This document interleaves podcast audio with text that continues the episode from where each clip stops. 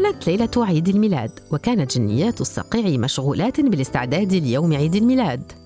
بادئ ذي بدء قامت الجنيات بنشر أجمل سجادة ثلجية بيضاء على الأرض الخشنة العارية ثم علقت الشجيرات والأشجار بالثلج الذي يومض مثل ألماس في ضوء القمر. في وقت لاحق خططت لرسم صور صقيع جميلة على ألواح النوافذ لمفاجأة الأطفال الصغار في الصباح.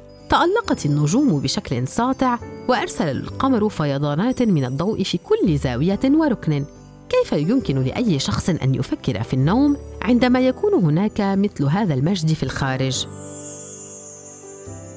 ذهبت رولا برفقة أخيها فريد إلى الفراش في وقت مبكر جدا لذا قد يكونا أول من يصرخ عيد ميلاد سعيدا لكن أعينهم لن تبقى مغلقة لأنهما بغاية الحماس لرؤية الثلج وسانتا كلوز. همست رولا هناك شيء يخدش الباب. لكنه كان مجرد فأر. فهل سيأتي فعلا سانتا كلوز ويضع الهدايا للصغار؟ لم يتمكن فريد من الانتظار فهو كان يريد أن يرى ما أحضره له والده. هل هي تلك السيارة الحمراء الجميلة؟ راح يدور حول شجرة العيد بحماس شديد. لعل سانتا يأتي ويضع شيئا. سمع صوتا لكن هذه المرة ليس الفأر.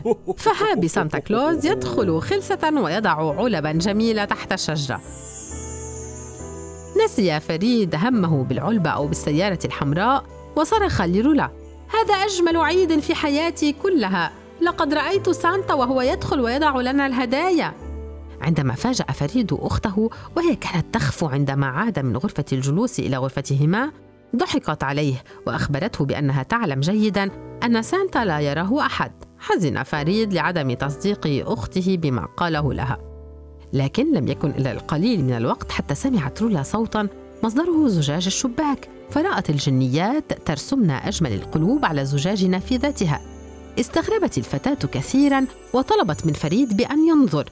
وعندما نظر الصغير إلى الزجاج كانت الصدمة الأكبر. فكان سانتا كلوز واقفا خلف الجنيات وهو يهمس لرولا.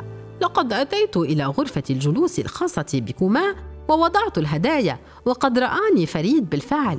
استغربت الفتاة كثيرا لكنها فرحت جدا برؤية أجمل ما كانت تتمناه. فهذا كان أجمل عيد بالنسبة للصغيرين لأنهما لطالما حلما بأن سانتا هنا. وبالفعل هذه المرة تأكدوا بأنه موجود بينهم وبأنه حقيقة يأتي لزيارتهما في كل عام. and